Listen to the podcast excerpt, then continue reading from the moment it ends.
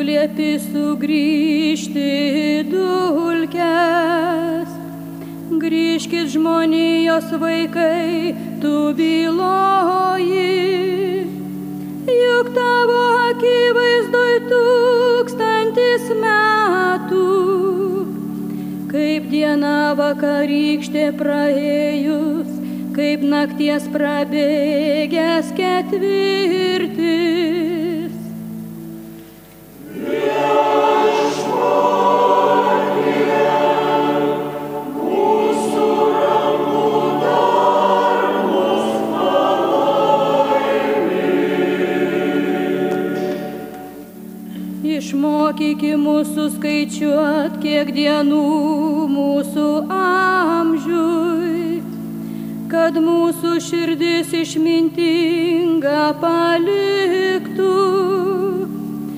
Viešpatie grįžki, ar dar ilgai dėlsi, būki savo tarnams gailestingas.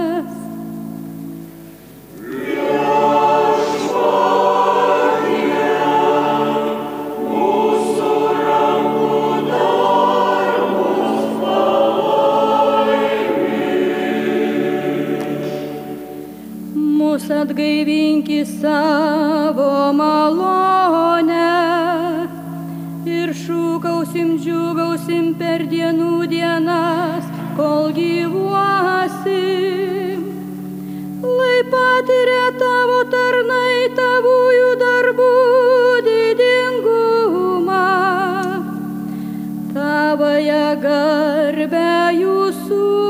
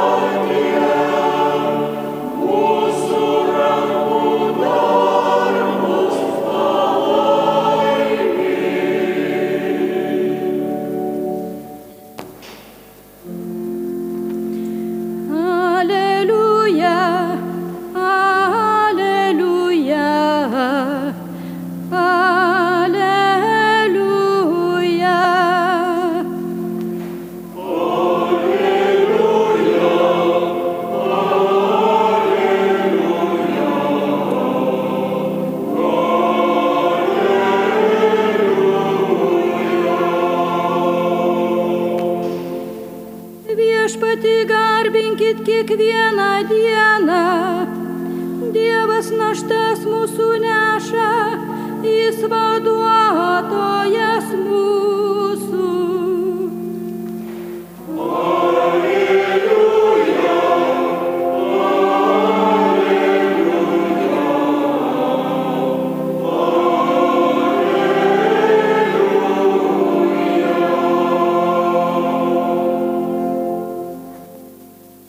Viešpat su jumis.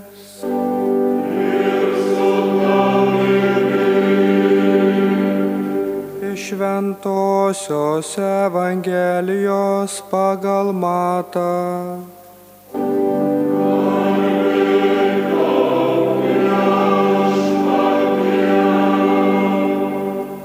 Jėzus parėjo į savo tėviškę ir ėmė mokyti žmonės sinagogoje, taip, kad jie stebėjosi ir klausinėjo, iš kur šitam tokia išmintis ir stebuklinga galybė, argi jis nedailidės sūnus, argi jo motina nesivadina Marija, o Jokūbas, Juozapas, Simonas ir Judas, argi ne jo broliai?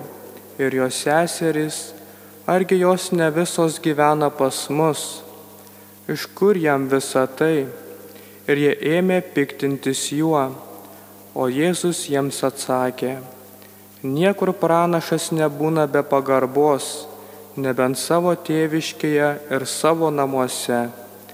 Dėl jų netikėjimo jis ten nedarė tiek daug stebuklų. Tai viešpaties žodis.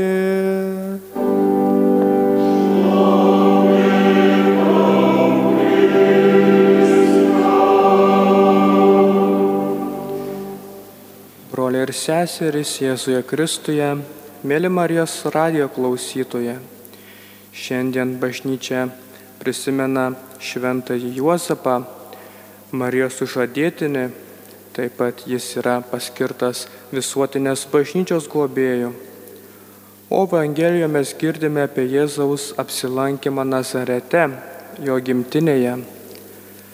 Tačiau ta kelionė Jėzui buvo išties skaudi. Kodėl? Todėl, kad Jėzus susiduria su keliom problemom. Viena jų yra gyventojų netikėjimo problema. Paskutinėje Evangelijos eilutėje rašoma, dėl jų netikėjimo jis ten nedarė tiek daug stebuklų. Netikėjimo problema buvo aktuali ir tebėra aktuali ir šių dienų visuomenėje. Taip pat ir kiekvieno iš mūsų kasdieninėme gyvenime. Ši problema verčia susimastyti, kiek mums svarbus mūsų tikėjimas ir kiek mes jį branginam. Žinoma, jis visada aktualus, kai mes prašome Dievo įvairių dalykų. Pavyzdžiui, paprasčiausių, kad ir palaimink šią dieną. Ir iki tokių dalykų, kur mes jau nebegalime susitvarkyti patys ir mums reikia, kad į tas situacijas ateitų Dievas ir padėtų įspręsti tas problemas. Būtent tuomet tikėjimas ir yra vertinamas, bet ar tuomet mūsų santykis su Dievu nepasidaro tik paremtas naudos siekimu, o ne santykio, kaip iš tiesų turėtų būti. Šia Evangelijos eilutė skatina susimastyti, ar mūsų tikėjime dominuoja santykio su Dievu kūrimas, ar tik prašymai padėti vienoje ar kitoje situacijoje. Dar viena problema iškylanti Jėzų šioje Evangelijoje yra žmonių požiūrio į Jėzų problema.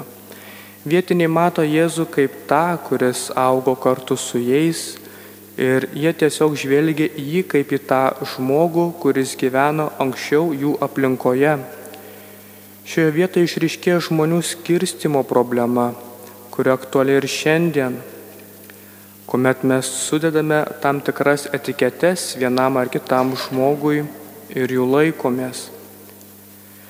Jėzus prieš tokį žmonių nusistatymą yra nusistatęs kategoriškai. Todėl mes kiekvienas prašykime Dievo, kad Jėzau padaryk mūsų širdį panašią į savo širdį. Amen.